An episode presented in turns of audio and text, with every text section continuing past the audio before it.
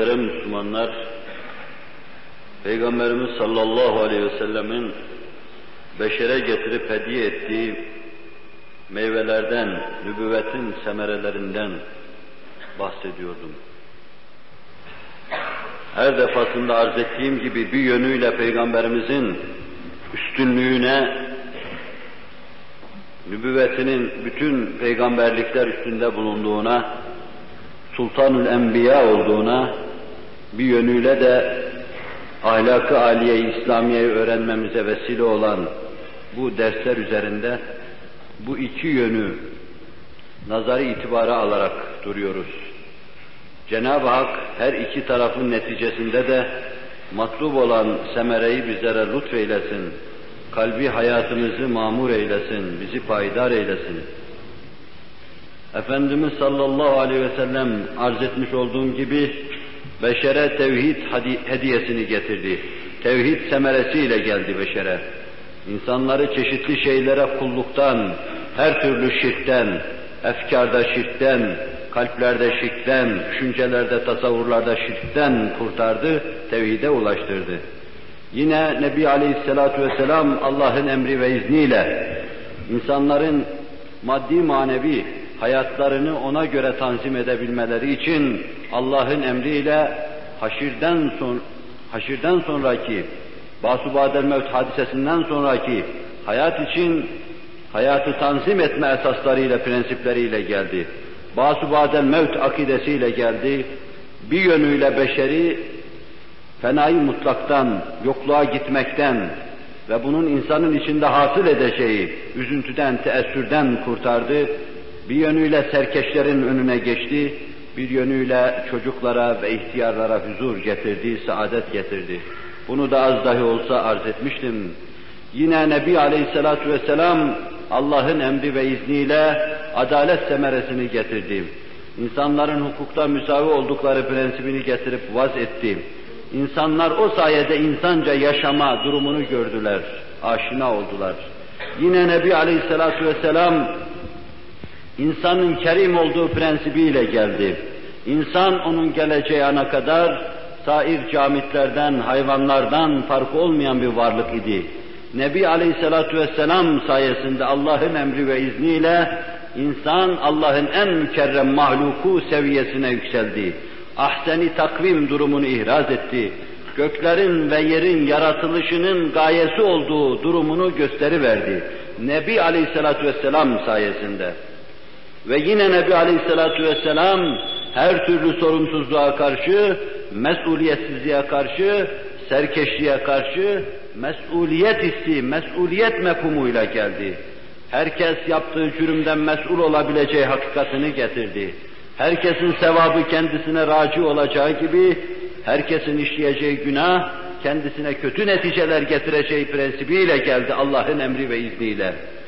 Bunlar beşerin içtimai hayatında, ailevi hayatında, şahsi hayatını tanzimde öyle müessir amillerdir ki, bunları düşünmeden, bunların mevcudiyetine inanmadan, salah içinde bir içtimai hayatın düşünülmesi mümkün değildir.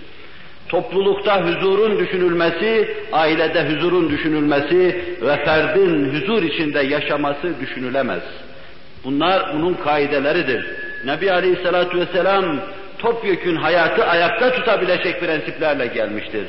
Beşer şahsi hayatında neye ihtiyacı varsa bütün malzemeleri getirmiştir. Benim dimağıma şu anda şöyle bir şey geldi. İşte onun derdi vardır Nebi'nin dilinde. Kalbime şöyle bir şey hutur etti.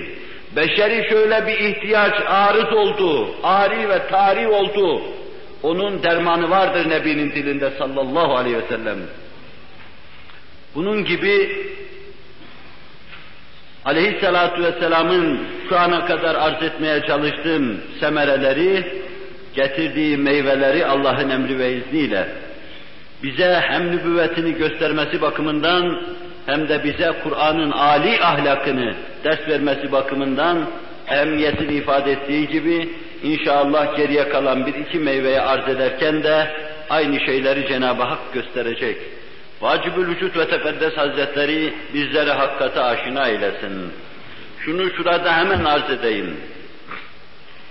En büyük, en parlak hakikatlar çok defa makes bulamazsa istenildiği şekilde gönüllerde tesiri de görülemez.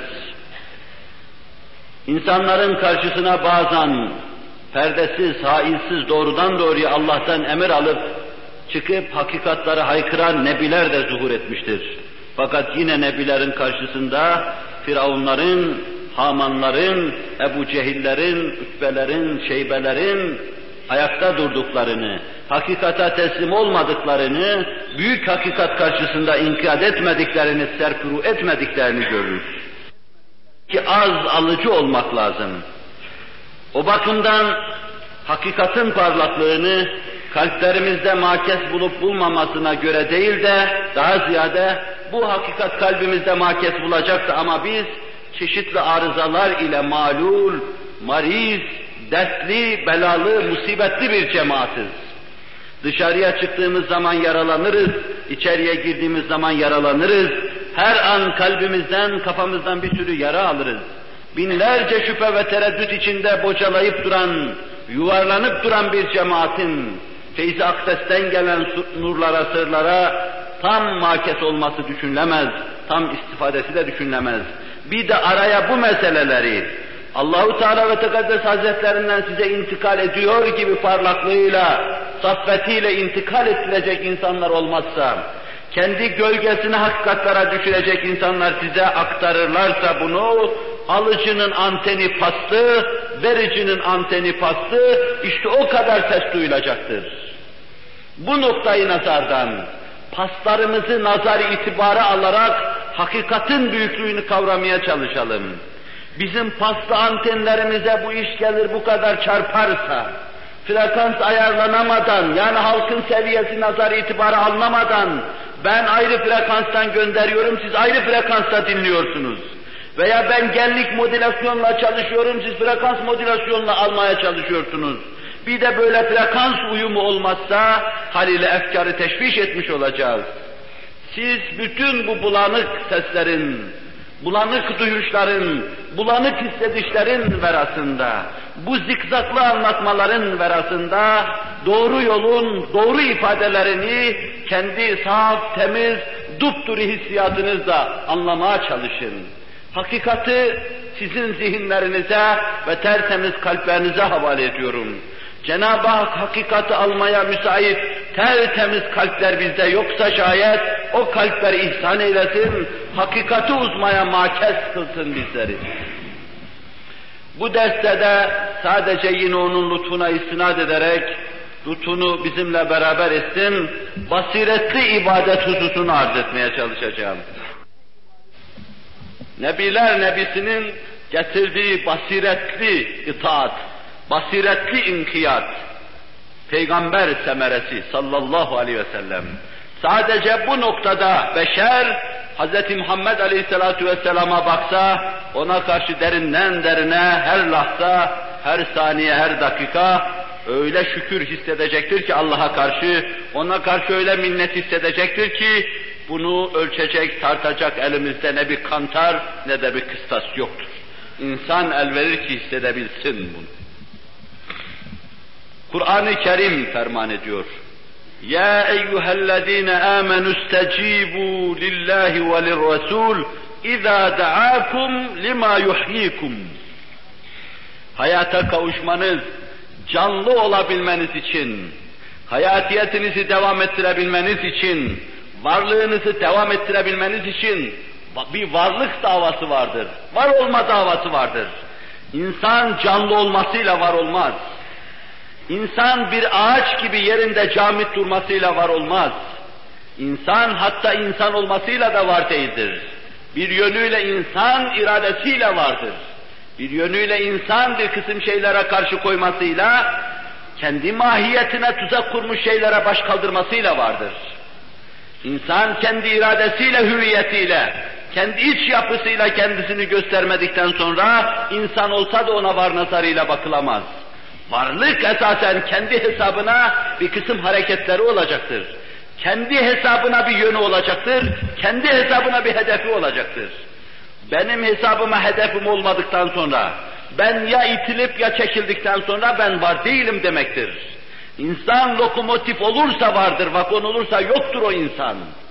İnsan sürüklediği nispette vardır. İradesini en sert kayalara dahi dinlettiği zaman, Ferhat gibi deldiği zaman, suları akıttığı, çağlattığı zaman vardır. İnsan iradesini unuttuğu, başkalarının iradesine ram olduğu, vagonlar gibi lokomotifin arkasına takıldığı, başına gelen her mutasallıta, her müstebide inkiyat ettiği zaman yoktur. Bir rengi de yoktur, şekli de yoktur, iradesi de yoktur, kendine has bir havası da yoktur. Yok.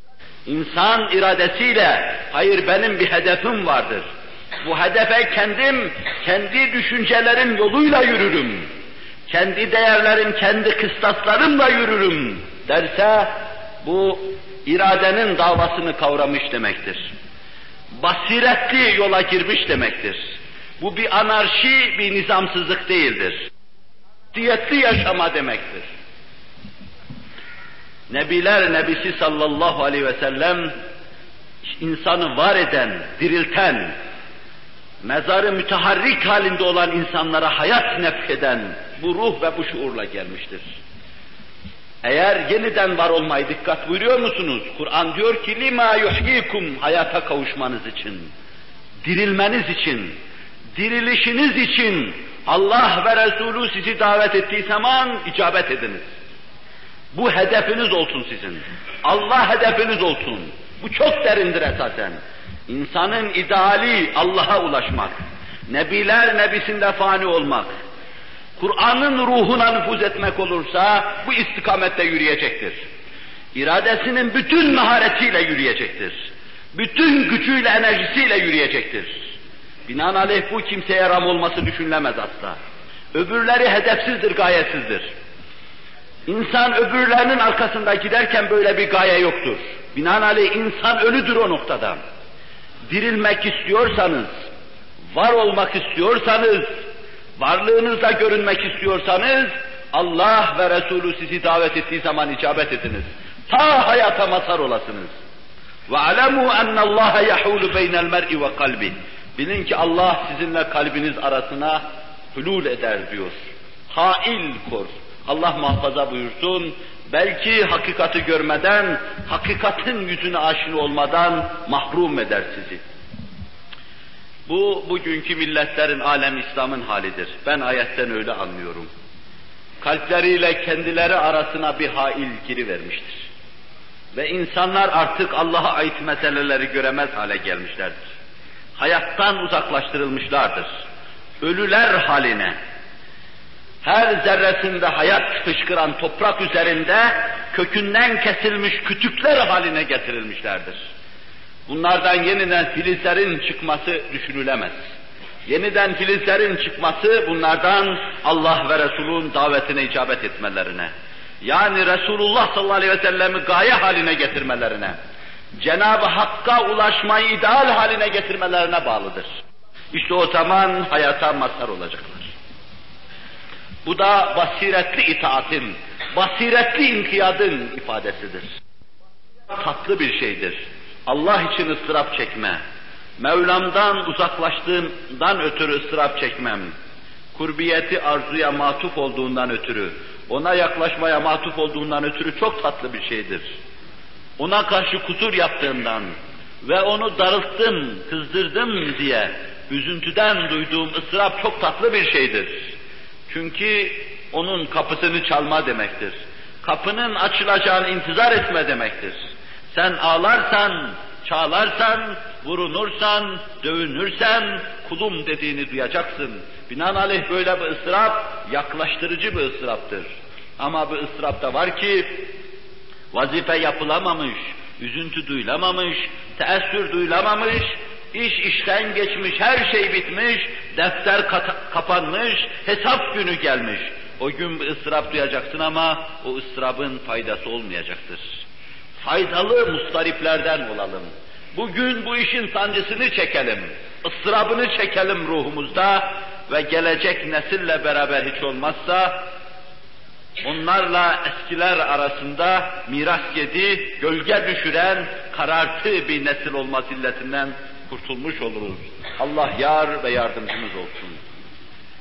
Bu ayetin münif manasını arz etmek demek değildi. Sadece mevzuya girebilmek için, bu burada latif bir nükteyi anlatmada fayda mülaz ettiğim için anlattım. Dirilecek, var olacak milletler için tek yol vardır. Allah'a teveccüh etmeleri, Allah'ı gaye ideal haline getirmeleri, nebiler nebisinde fani olmaları gerekir. Buna basiretli itaat diyoruz. Nebiler nebisinin arkasındaki kimseler çok ciddi basirete sahip kimselerdi. Size bir iki misal arz ettiğim zaman göreceksiniz bunu. Allah Resulü her emrinde Allah tarafından müeyyed idi. Cenab-ı Hak'tan gelmeyen bir şeyi söylerse iştihadı olarak söylerdi. Fakat icabında Allah'ın emri ve izniyle bundan dönerdi. Cenab-ı Hak'ta gelen, Cenab-ı Hak'tan gelen şeyler ise muhkemdi. Kimse bunları bozamaz, değiştiremez, ayrı bir hüviyet veremez. O gökleri ve yeri bilen, onun kalbini bilen, beşerin umumi durum ve ahvalini bilen Allah tarafından gelen bir emirdi. O daima bir elmas olarak kıymetini muhafaza ederdi. Bedir'e gittikleri zaman bütün mağazi kitapları yazıyor. Orada Hubab İbni Münzir vardı. Oraları çok iyi bilen bir sahabiydi. Belki sonradan dehalet edenlerden idi. Nebiler nebisi bir yerde ordugahını kurdu. Allah bir hikmet gösterecekti.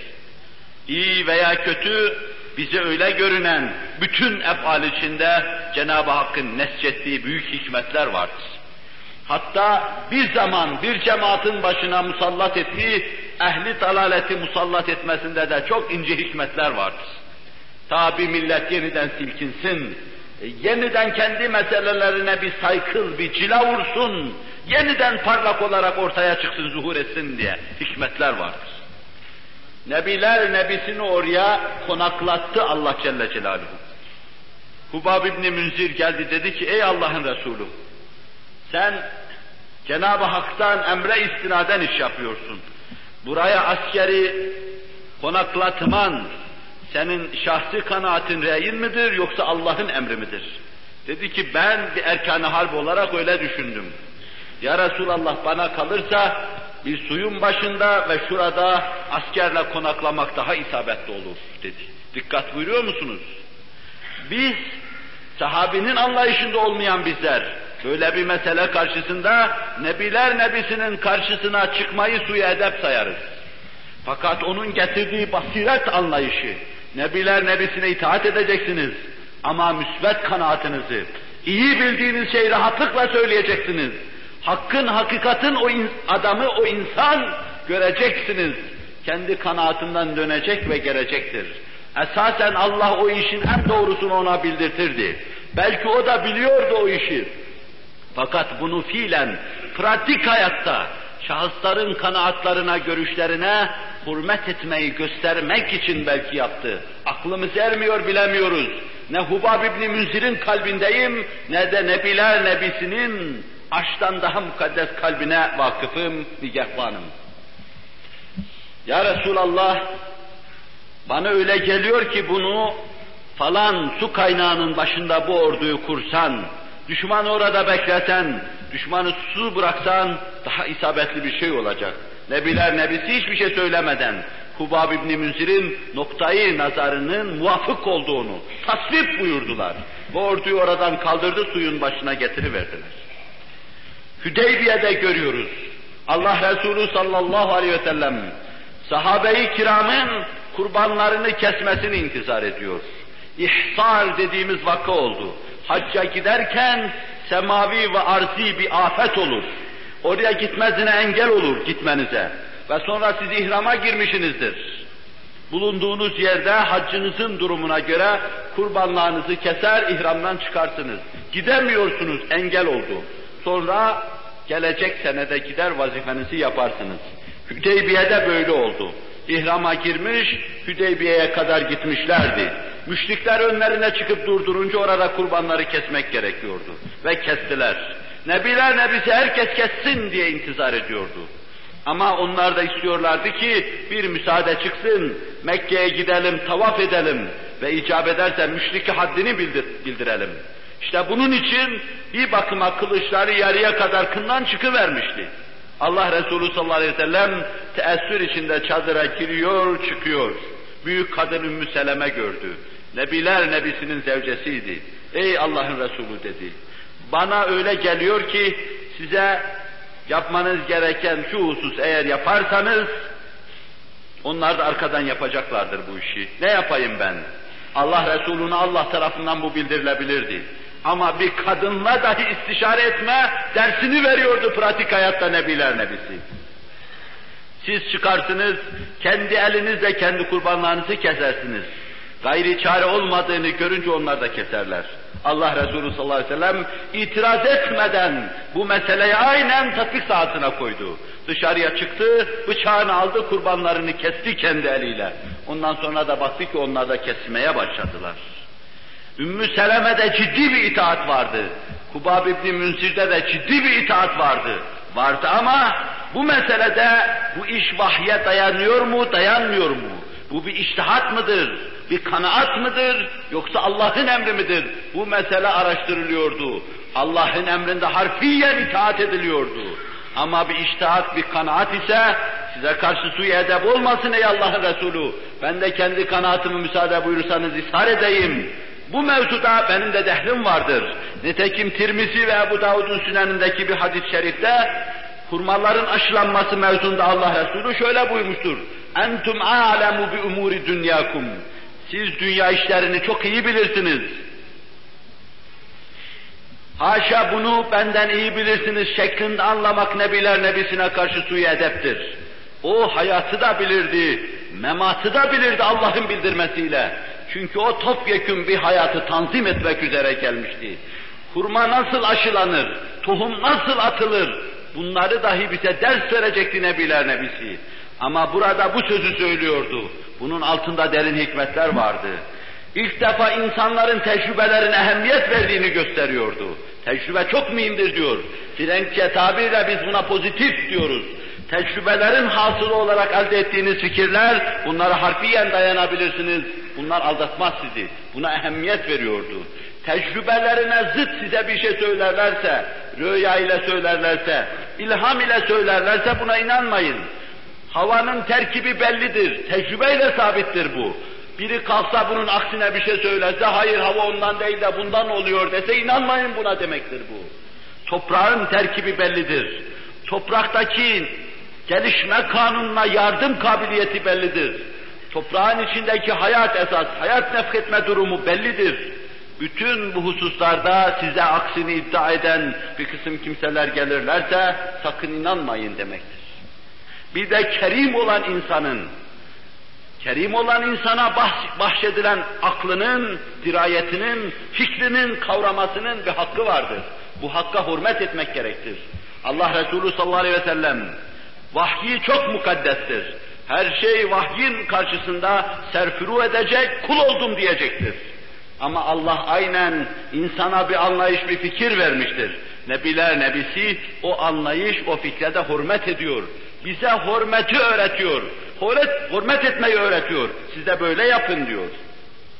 Bunun gibi Allah Resulü'nün davranışlarında insanın muhterem olması, insan fikrinin muhterem olması, insana ve fikrine değer verilmesi hususunu görüyoruz. İşte bir kadınla bir erkekle istişaresini size arz ederken de bunları esasen göstermeye çalıştım. Sahabide basiretli itaati görüyoruz. Hazreti Ömer radıyallahu anh hazretleri gibi dirayeti kıyaseti fevkalade bir insan. Verdiği kanunlarda çok defa yüzde yüz isabet eden bir insan. Hatta tevafukat-ı Ömeriye vardır. Buhari'de bunları üç tane sayıyor. Buhari saydığı hadisler daha evvel muhtemelen söylenmiş. Ona yakın tevafukat-ı Ömeriye vardır. Bunun manası şudur. Hz. Ömer Kur'an nazil olmadan evvel bir mevzuda kanaatini ishar ediyordu. Kur'an o istikamette geliyordu. Mesela Bedir esirleri mevzuunda, içki mevzuunda Hz. Ömer'in kanaati teyit edildi ayette. Bunlara tevafukat Ömeriye diyoruz. İsabetli karar verdi. Allah'ın hoşuna girecek bir karardı. Demek levh-i mahfuzda da o karar öyle verilmiş ki. Allah öyle ifade buyurmuştur. Geldi Ömer'i teyit etti. Bununla beraber bu nadide insan hutbe okurken şey atıyordu ortaya.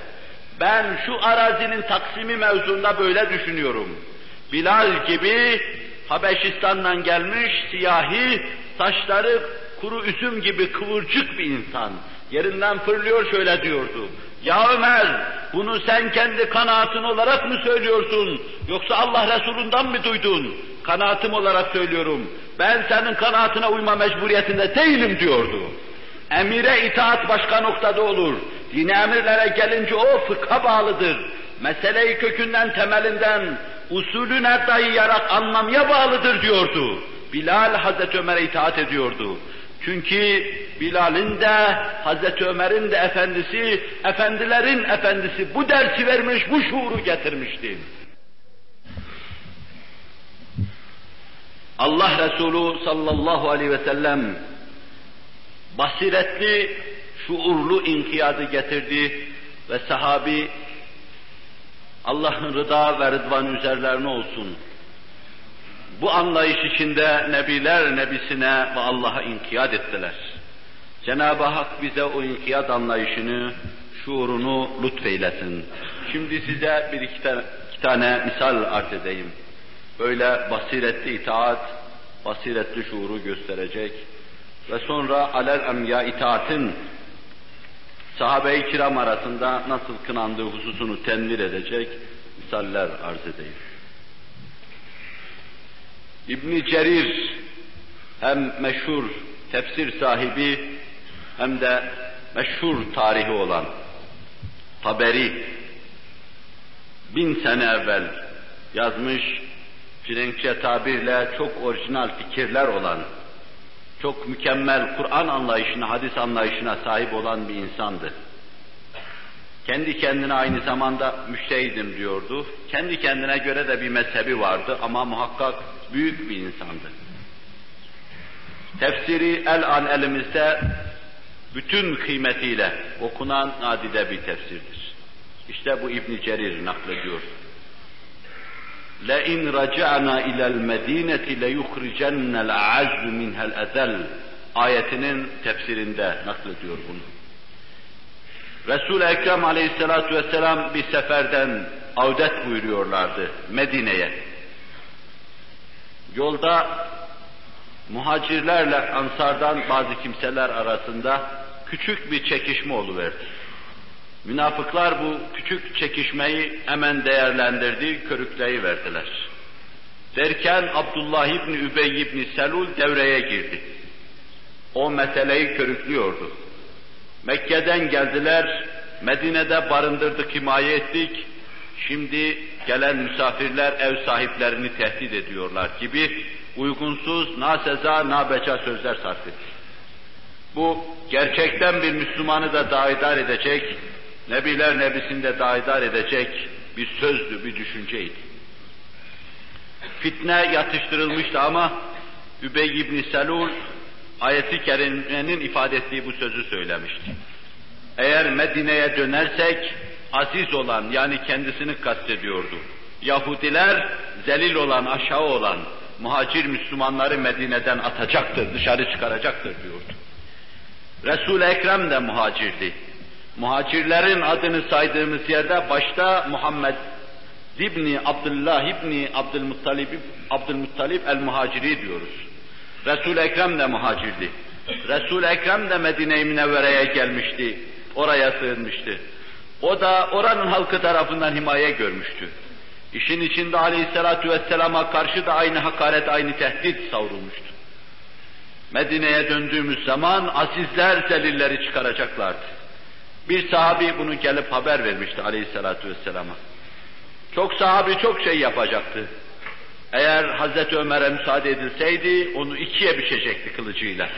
Ama Allah Resulü camiye gelen, beraber cihada iştirak eden bu münafıka dokunmuyordu. Çünkü bugünün müsteşrikleri dahi işi kurcalayıp deştikleri gibi diyeceklerdi. Nebiler nebisi kendi ashabını öldürtüyor. Hoşuna gitmeyen kimseler camiye gelseler dahi öldürtüyor ama öldürtülecek insan da işte bu münafıktı. Nebiler nebisine haşa ve kella aşağı insan diyordu. Ebu Bekir'e, Ömer'e, Osman'a, Ali'ye Allah'a rıza ve rıdvanı binlerce üzerlen olsun da insan diyordu. Oğlunu çağrı verdi. Hazreti Ömer'in bütün küplere binmesine rağmen Allah Resulü müsaade etmiyordu. Peygamber ashabını öldürtüyor dedirtmem ya Ömer diyordu.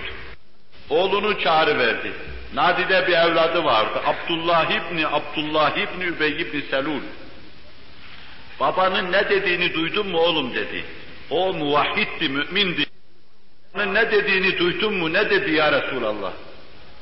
لَاِنْ رَجَعْنَا اِلَى الْمَد۪ينَةِ لَيُخْرِجَنَّ الْاَعَزُّ مِنْهَا الْاَذَلِ Medine'ye dönersek, azizler zelilleri dışarıya çıkaracaklar. Kasem olsun ki bunları dışarıya atacağız diyor. Doğru ya Resulallah. Aziz zelili atacaktır. Aziz sensin, babam da zelildir diyordu. Sen onları temizleyeceksin. Ve müsaade edersen ya Resulallah başını kesip getireyim. Bütün sahabe-i kiram benim babama karşı hürmetimi bilirler. Babama karşı itaatim o derecededir ki ben onun yanında konuşmam, suyu hedef yaparım diye tir tir titrerim. Fakat ortaya nebiler nebisi girdiği zaman iş değişir tamamen. Müsaade edersen başını kesip getireyim. Hayır diyordu Allah Resulü sallallahu aleyhi ve sellem. Babasının Medine'ye girecek gediği tutuyordu, açığı tutuyordu. Babası yanına gelince baba seni Allah Resulü'nden emir ve müsaade gelmeden Medine binalarından birinin gölgesi altında barınmaya müsaade etmem. Kelleni keserim, sen Medine'de bir gölgeye giremezsin. Kim Medine'den dışarıya çıkacak, kim içeride kalacak bunu sana göstereceğim diyordu. Yâlel Hazreç İbni Yamne'uni diyordu. Oğlum beni kendi evime koymuyor diyordu. Bir peygambere haber verin. Allah Resulü'ne sallallahu aleyhi ve sellem haber gidiyordu. Abdullah müsaade et baban girsin. Babandır deniyordu. Nebiler nebisinden izin geldiği için bırakıyorum diyor eve bırakıyordu. Basiretli itaat. Nebiler nebisine sallallahu aleyhi ve sellem. Allah'a basiretli inkiyat vardı. Baba dahi olsa ortaya açık Allah'ın emri. Nebiler nebisinin emri girdiği zaman tamamen işin hüviyeti ve mahiyeti değişiyordu. Bu vadide başka bir misal arz edeyim. Çok arz edilmiş ve pek çoğunuzun okuduğu, duyduğu bir misaldir. Tebuk hadisesi olduğu zaman buna harp demiyorum çünkü harp olmadı. Nebiler nebisi takriben iki ay kadar bir müddet içinde Roma İmparatorluğu'na doğru bir sefer yaptı, manevra gibi bir şey. Bu Müslümanların Roma sınırlarında boy göstermesi demekti ve sonra döndü geriye geldi. Bir Temmuz-Ağustos ayıydı, sıcak bir mevsimdi. İşte bu hadiseye çok kimseler iştirak etmediler. Ama iştirak etmeyenlerin üçü müstesna hepsi münafıktı. Bütün müminler iştirak etmişti. Müminlerden üç kişi iştirak etmemişti. Buhari, Müslim naklediyor. Kâb İbni Malik, Hilal İbni Ümeyye, Mürare İbni Rabi veya Rabia. Bu üç zat ikisi yaşlı, ihtiyarca, biri de genç olmasına rağmen iştirak etmemişlerdi. Kâb kendisi nakleder bunu. Bu hem dili hem de kılıcı yaman işleyen bir insandı. Medineliydi. Uhud'da Nebiler Nebisi yaralanıp da hendeyin içinde ashabını beklerken ilk gören ve o gür sesiyle kükreyen, haykıran ashabın Nebiler Nebisi'nin başında toplanmasına yardım eden insandı. O Bedir'de bulunmamıştı, Uhud'da bulunmuştu. Ama Akabe'de Nebiler Nebisi'nin elini sıkmış, ona biat etmişti. Sözleri de o kadar keskindi. Söz söylediği zaman adam beyninden vurulmuş gibi olurdu. Kafirlerin içini daidar ederdi, deler geçerdi sözleri. Fakat her nasılsa Tebuk'e iştirak edememişti. Anlatırken mevsim tatlıydı, bağ bozumu zamanıydı. Böyle güzel bir mevsimde kıtlık da vardı. Bağdan ve bahçeden önce ayrılmak bana zor geldi. Ayrılır arkadan yetişirim dedim. Atımı matımı da hazırladım. Malzemeyi de hazırladım. Bugün giderim, yarın giderim derken gidemedim. Ve bir gün işittim Nebiler Nebisi dönüyor. İşte o zaman ne olduysa oldu. Nebiler Nebisiyle bir vakaya iştirak edememişti. Ve kendisi Allah Resulü'nü anlatırken der ki, ey Allah'ın Resulü, hiçbir vakada bu kadar hazırlanmamıştım. Hazırlandım her nasılsa işte gelemedim, çıkamadım. Herkes gidip yalan söylüyordu. Uydurma, mazeretler ortaya sürüyordu. Haşa nebiler nebisini kandıracaklarını zannediyorlardı. Halbuki o biliyordu. Allah bildiriyordu, o da biliyordu. Ben kendi kendime karar verdim. Geldiği zaman gideyim ve doğruyu söyleyeyim. Bir sahabiye sordum, beni hiç sordu mu? Dedi ki falan yerde konakladığımız zaman gözleri araştırdı seni göremeyince, Kâb nerede dedi. Bir sahabi oradan bağının, bahçesinin güzelliği, hanımlarının iltifatı alıkoydu ya Resulallah deyince başka birisi gıybetin etme dedi. Kâb şerefli bir sahabidir. Tanrı teşride bulunma diyordu. O zaman ben diyor nasıl bir felakete maruz kaldığımı anladım. Huzuru Risalet Fenahi'ye girdim. Daima gülen o çehrede yine bir tebessüm vardı. Bir ay gibi bakıyordu. Fakat bu tebessümün verasında acı çizgilerin mevcudiyeti de hissediliyordu. Bana bakarken rahatsız edebilecek bir memnuniyetsizlik de hissediliyordu. Neredeydin deyince dedim ya Resulallah hiçbir mazeretim yoktu. Gelmedim. Geleyim dedim gelemedim. Koşayım yetişeyim dedim yetişemedim. Hani Yunus der ya, der ya Anadolu çocuğu. Koma bugünü yarına, yarın Allah divanına varam Allah deyu deyu. Herkesin her gün kendisine terettüp eden işleri vardır. Her günün işini o gün içinde yapacak ve bugünün işini yarına bırakmayacaksın. Çok defa bugünün işini yarına bırakma başına bu türlü gaileler ve badireler açar. Allah Resulü ben ayrılırken işte bu doğru söyledi buyurdu. Ve ashabına emretti, kimse konuşmayacak. Tam 50 gün boykot denmez bu meseleye de ona karşı bir bakıma bir kat'i alaka, ona karşı bir münasebet kesmesi oldu. 40 gün geçince aradan hanımlarından da ayrılsınlar diye buyurdu. Bu Allah'ın vahyiyle bildirmesiyle oluyordu. Diğer iki tane daha sahabi vardı. Bir Hilal bir de Mürare vardı. Bu yaşlı insanlar da ıstırap çekiyorlardı ama itaat ediyorlardı. Çok zordu. Kâb anlatırken o acı şeyleri, sahneleri bize şunları hisseder, şunları duyarız onda. Mescide giderdim. Cami cemaat dolu. Nebiler nebisi o nur saçan güneş edasıyla ashabının yüzüne bakar onlara söz söylerdi. Gelen herkese o içten gelen selamlarını takdim ederdi. Ben de yanından geçer selam aleyküm derdim.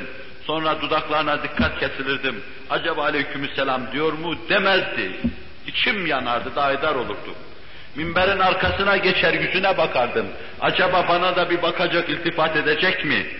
Benim yüzüne baktığımı hissedince hemen nazarlarını başka tarafa çevirirdi. Bir vakada geriye kalma yapmıştı, itaatsizlik yapmıştı. İtaat edecekti, dinleyecekti. İtaat etmemişti. Ama ondan sonra itaat etmek suretiyle bu itaatsizliğini bertaraf edecekti. Ondan sonra itaat ediyordu. Hanımdan ayrılsın ayrılıyordu. Hanımdan ayrıldım bana dediler ki git müracaat et de ki ya Resulallah kendime bakamıyorum.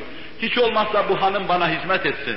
Hayır dedi, bana başka bir şey söyler, iyice yıkılırım. İstemem böyle bir şey talep etmem. Arkadaşlarım yaşlı olduğu için onlara ruhsat verebilir. Ama ben istemem böyle bir şey. Dedi, itaat etti. Eskiden itaatsizlikle meydana getirdiği açığı, gediği kapamak istiyordu. Gassan hükümdarı name gönderdi bana. Nameyi alıp okuduğum zaman namede şöyle diyordu. Kâb işittiğimize göre senin sahibin, arkadaşın, peygamberin seni terk etmiş. Kati alaka etmiş. Eğer gelir bize dehalet edersen sana paya verilecek, iltifat göreceksin, yüz bulacaksın. O kadar diyor beynimden vuruldum. Öylesine sarsıldım ki elimdeki nameyi ateşe attım hemen yaktım. Bir de bu bela mı çıkacak başıma dedim. Nihayet 50 gün oldu. Sırf emrettiği için itaat ediyordum. İtaatın başım, itaatsizliğin başıma getirdiklerini gördükten sonra itaat ediyordum. Damımın üstünde çıkmış oturuyordum. 50. gün, Erbain çoktan geçmişti. Hüznümü tarife imkan yoktur, Kur'an anlatıyor. Hatta izâ dâkat aleyhimul ardu bima rahubet.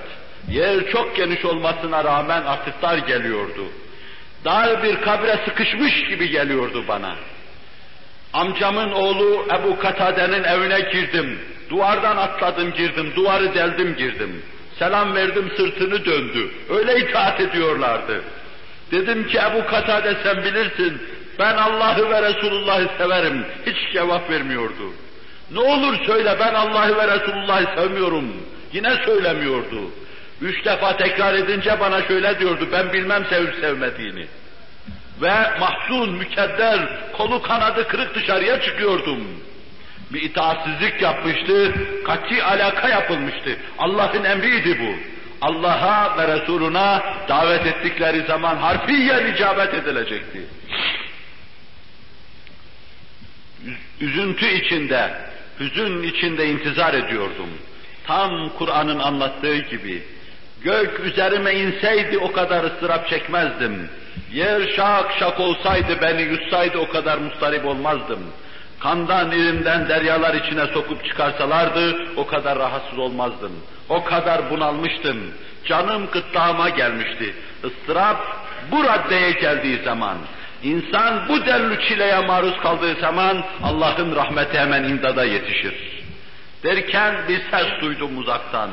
Bu ses çok gür olmamasına rağmen kulağıma gelecek kadar pis perdeden haykıran Hazreti Ebu Bekir'in sesiydi. Bana Kâb müjde diyordu, Allah seni affetti. Kur'an-ı Kerim'de bir ayet-i kerime bu üç şahsın affedildiğini ifade ediyordu. Bana hecin bir deveyle bir de müjdeci geliyordu. Elbiselerimi kendisine verdim. Ayrı bir şeye büründüm. Nebiler Nebisi'nin huzuruna koştum. İçeriye girdiğim zaman bu defa değişik şekilde karşıladı. Kalktı, kucakladı, tebrik etti beni. Allah sizi affetti. Ben o zaman öyle sevinç duydum ki, bir Nebiler Nebisi Medine'ye geldiği zaman o kadar sevinmiştim, bir de affıma ferman geldiği an o kadar sevinmiştim. Ama o dakikaya kadar ciddi bir basiret, derin bir anlayış içinde itaat ettim. Ezan-ı Muhammed'e okundu fakat şu vakayı da nakletmeden geçemeyeceğim. Bir diğer vakayı bize yine Şeyheynin ağzıyla, Buhari Müslim'in ağzıyla Ebu Büreyde nakleder. İçki ayeti nazil olduğu zaman ben babamla beraber bir kısım kimselere sakilik yapıyordum. Onların kadehlerini dolduruyordum, onlar da içiyorlar. Ebu Talha'dan da Enes tarihiyle böyle bir rivayet vardır. يا أيها الذين آمنوا إنما الخمر والميسر والأنصاب والأزلام رجس من عمل الشيطان فاجتنبوه لعلكم تفلحون İnnemâ yuridu şeytanu en yuqa'a beynekumul adâvete vel bagdâe fil hamri vel meysir ve yasuddakum an zikrillâhi ve anis salâh fehel entum müntehûn sadakallâhul azîm ayeti kerimesi nazil olmuştu. İçkinin, kumarın, fal oklarının şeytan işi olduğunu, pislik olduğunu, hebaset olduğunu anlatıyordu. Ve Müslümanların bunlardan sakınması felahlarına vesile olacağını naklediyordu. Şeytan içkide ve kumarda insanlar arasında düşmanlık meydana getireceğini anlatıyordu. Artık böyle akli, mantıki, nakli deliller karşısında insanların bu menhiyattan çekinmelerinin gerektiğini, lüzumunu ifade ediyor, parmak basıyordu. Babam bana dedi ki, oğlum dışarıda bir ses var, çık bir dolaş bakalım ne diyor. Dışarıya çıktığım zaman Nebiler Nebisi'nin münadisinin seslendiğini gördüm. İçkinin yasak olduğunu ilan ediyordu. İçeriye girdim hemen haber verdim. Kimisinin kadehi dudağındaydı, kimisinin elindeydi, kimisi sürahiyle dolduruyordu. Bunlarda içki öyle hastalık haline gelmişti ki, içilmeyen ev yoktu ve içinde içmeyen şahıs da yoktu. Yıllanmış şaraplar küpler içinde senelerce evde kalırdı. Ve bu mızır meşrubat, onların kendilerine göre ayarladıkları şerefli günlerinde, misafir kabul ettikleri günlerinde günlerinde içilirdi, zevk edilirdi. Bu kadar ihtiyat haline gelmiş, hepsi alkolik olan bir cemaat. Yine böyle bir içki sofrasında bu zararlı meşrubat tam içtikleri an girdim içeriye Allah'ın emrini söyledim. Bu ayetler nazil olmuş ve nebiler nebisi ashabına bunu duyuyor, duyuruyor dediğim zaman dudağındaki hemen dudağından atı verdi. Elindeki elinden atı verdi. Evlerde şarap fıçıları vardı. Bunlar da dökülü verdi. Kasem ediyor. Medine'nin sokaklarında günlerce şarap koktu ve şarap aktı. Herkes yıllanmış mahzenlerindeki şarapları çıkardı dışarıya döktü. Herkes bunları atarken Kur'an-ı Kerim fehel entum müntehun diyor. Artık vazgeçmiyor musunuz? Diyor ki hepsinin dudaklarından şunlar dökülüyordu. İnteheyna ya Rabbena, inteheyna ya Rabbena. Sen anlattıktan sonra vazgeçmeyiz mi? Vazgeçtik ya Rabbi. Bir daha bu kabaise, bu eracife dönmeyeceğiz ya Rabbi diyorlardı. Basiret içinde derin inkiyat. İnkiyat eden mümindir. İnkiyat etmeyen imandan ziyade dalalete küfre yakındır. Kimseye kafir demiyorum. İtaat eden mümindir basiret içinde. Allah'tan gelen her şeyi makul, mantıkı kabul eden ve mantığını onlara anlamaya sarf eden, aklını onlara anlamaya sarf eden insan basiretli insandır. İtaat eden insan Allah'a yakındır. İtaat eden insan şeytandan uzaktır. Bu mevzuda itaat ve inkiyadı terk eden insan imandan ziyade küfre yakındır. Allahu Teala ve Tekaddes Hazretleri o asrın insanlarına duyurduğu aynı hakaiki ilmi mantığı müsbet ilimlere dayalı 20. asrın insanlarına da duyuruyor.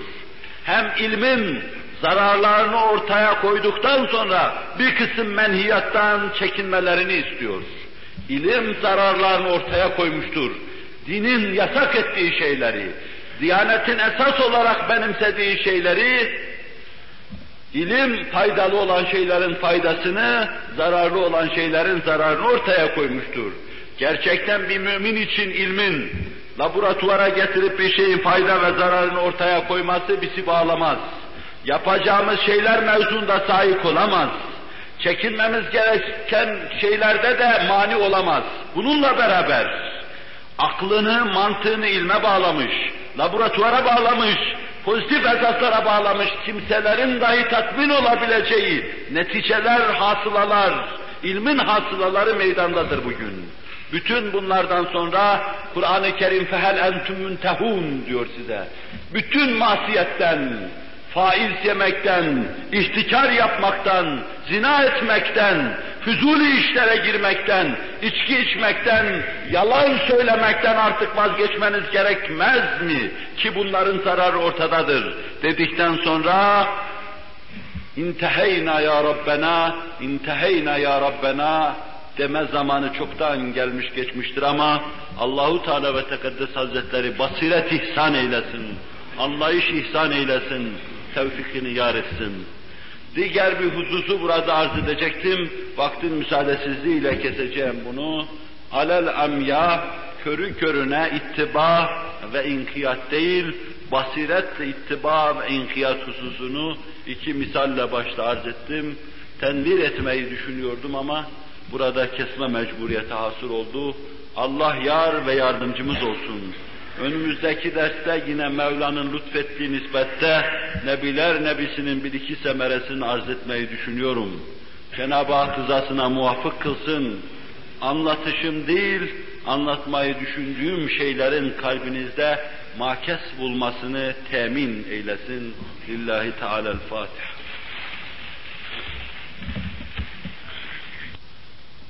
إلى آخر الآية صدق الله العظيم وبلغنا رسوله النبي الهاشمي الكريم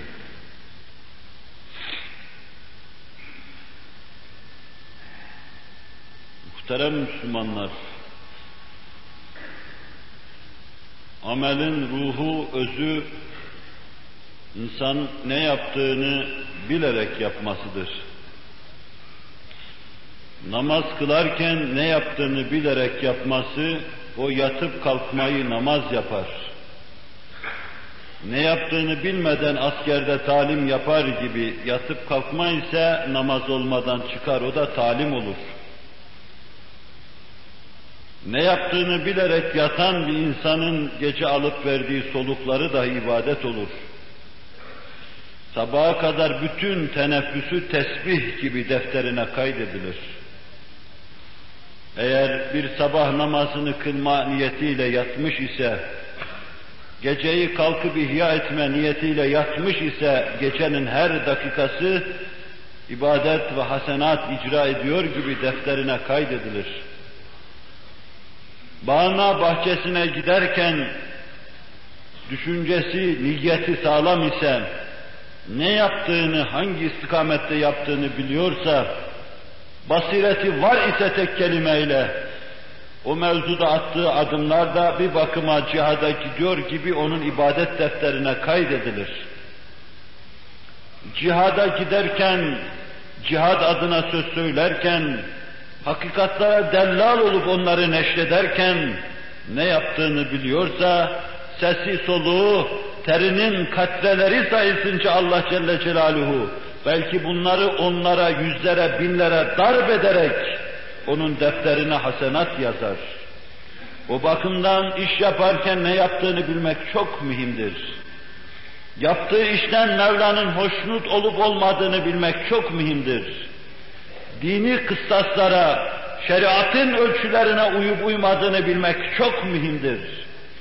İşte Allah Resulü sallallahu aleyhi ve sellem şu iyidir, şu güzeldir, bu beşeridir, bu değildir, beşer tarafından ortaya konan yanlış kıstaslara karşı iyi iyi olarak, güzeli güzel olarak, kötüyü kötü olarak şeriatın kıstasları içinde getirmiş, beşere takdim etmiş.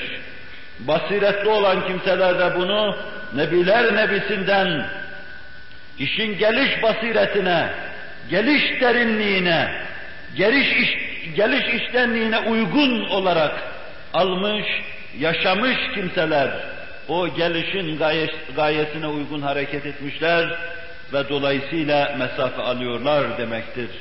Mesafe alan güruhu salihine Allah bizler ilhak buyursun. Buhari Müslim'in bize naklettiği bir vakayı görüyoruz. Hazreti Ali naklediyor radıyallahu anh. Nebiler Nebisi İbni Hüzafe'yi bir cemaatin başına kumandan tayin etti, gönderdi ve gönderirken şöyle dedi. Kumandanınız budur, buna itaat edeceksiniz. Bu elhak, kumandanlık liyakatını üzerinde bulunduran, kumandanlık için gerekli olan bütün evsafa haiz olan müstesna bir insandı. Gidecekleri yere gittikten sonra da orada kumandanın canını sıkmalar oldu. Bazen insanın canı, can sıkıcı şeylerin iradesi için, işin içinde olmasa bile sıkılır. Bazen çevrenize karşı öyle sıkılırsınız ki, haddi zatında çevrenin sizi sıkıcı bir durumu olmamıştır. Sadece siz başka şekilde anlaşılmak istiyorsunuz. Onlar ise sizin kalbinizi, niyetinizi bilemiyorlar. Sizi anlaşılmak istediğiniz şekilde anlayamıyorlar. Kendi kendinize kızıyor, öfkeleniyorsunuz.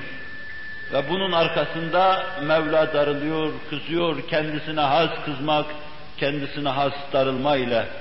Rahmet cilvesini kesiyor, bilemiyorsunuz. İşte bunun gibi kumandan da sahabinin maksadını bilmeden belki anlaşılmak, tanınmak istediği şekilde anlaşılamadığından, tanınamadığından ötürü canı sıkıldı onlara. Odun yığdırdı, Buhari'de birkaç yerde anlatılıyor. Sonra kendinizi bu ateşin içine atın diye emir verdi. Nebiler Nebisi'nin itaat emri vardı. İtaat edeceksiniz kumandanınıza. Bir taraftan bu emir, bir taraftan da insanın kendi kendini tehlikeye atması, helak etmesi, insanın kendi kendini idam etmesi, büyük bir günahı irtikap etmesi, Allah'ın abidesini yıkması, Cenab-ı Hakk'ın sanatını en güzel şekilde gösteren ahseni takvime hakime çekmesi. Sahabi bu meseleleri çok iyi anlayacak durumdaydı. Kapasitesi çok genişti. Dediler ki vallah bu ateşin içine girme olamaz kumandan emretse bile. Gidip nebiler nebisine soracağız bunu. Girmediler ateşin içine. Onun da şiddeti hiddeti dindi. Döndü ve sordular. Dediler ya Resulallah ateş yaktı, içine girmemizi emir verdi. Allah Resulü لَوْ دَخَلْتُمْ مَا خَرَجْتُمْ veya لَوْ دَخَلُوا مَا خَرَجُوا اِنَّمَا الطَّاعَةُ فِي الْمَعْرُوفِ اَوْ كَمَا قَالْ Eğer girseydiniz ateşin içine bir daha çıkamazdınız. Bunun manası dünyada sizi yakan bu ateş, ahirette sizi yakan ateşin çekirdeği olarak orada da bu yanmanız devam ederdi. Yani cehenneme girerdiniz kendinizi ateş atmakla. İtaat sadece maruftadır. Nerelerde itaat edilir şeriatta? Yeri gösterilen yerlerdedir. Buyurmak suretiyle basiretli itaatı, basiretli inkiyadı göstermektedir. Yani ölçüyü şeriattan almak, kafana uymamak, arzuna uymamak, isteğine uymamak, Allah'a ve Resulullah'a uymak suretiyle hayatını tanzim etmek. Bir başka vakayı yine İbn Cerir bize naklediyor. Bu defada Halid bin Velid ile Ammar İbni Yasir bulunuyorlardı bir yerde. Harp olacağı yere yaklaşınca gece konakladılar. Harp edecekleri beldenin ahalisinden bir tanesi gece geldi sessizce Ammar'a yanaştı. Bir sahabi buldu onunla konuştu. Ben içinde bulunduğum beldenin halkının her istediğine uyacak halde değilim. Fakat onlardan açıktan açı ayrılırsam beni de öldürürler. Ben eman diliyorum, size sığınıyorum. Yarın harp olursa şayet ben eman dilemiş, Müslüman olmuş bir insan olarak muamele görmek istiyorum. Ammar İbni Yasir de ordu kumandanı Halid bin Velid'e sormadan teminat verdi. Sen eminsin dedi. Sabah olunca da gittiler, bütün belde halkı kaçmıştı. Ama o insan çoluk çocuğuyla Müslüman olmuş, teslim olmuş, inkiyat etmiş idi. Halid bin Velid onu esir almak istedi. Ammar ise ben teminat verdim dedi. Sen bir nefersin nasıl teminat verirsin? Hem Mekkeli değilsin, asil değilsin dedi. Halid ilk devirlerde yapıyordu bunu. Aralarında ufak tefek söz çatışması oldu. Ve huzuru Risalet Fenahi'ye geldiler. Burada da bu mesele temad edince Halid, Ya Resulallah bu siyahi insanı bir köleyi bir ordu kumandanının karşısında konuşturuyor musun dedi. Hazmedemediği şeyler vardı daha. Edecekti ama onu. Edecekti o kadar ki bir gün sarığı boynuna takılacak muzaffer bir kumandan olduğu halde Medine'ye esir gibi sürüklenecekti de sesini çıkarmayacaktı. İşte o kadar hazmedecekti. Allah Resulü da kaşlarını çattı şöyle dedi. Ya Halid, Ammar'a dil uzatmadan sakın. Ammar'ı gazaplandırmak Allah'ı gazaplandırmak demektir. Ammar gazaplanırsa Allah gazaplanır. Ammar birine lanet ederse Allah lanet eder. İşte o zaman Halit yere yıkılmıştı. Dize çöktü, Ammar'ın eteklerine tutundu, hakkını bana helal et dedi. Orduların başında devletleri dize getiren, beldeleri fetheden büyük kumandan bu defa Ammar'ın arkasında onun entarisinin eteklerine yüzünü gözünü sürüyor, beni bağışla diyordu. Bağışlandı, iki arkadaş, iki yoldaş, iki kardeş yine sarmaş dolaş oldu, vazifelerine gittiler. Ela inne ahsenel kelamu ve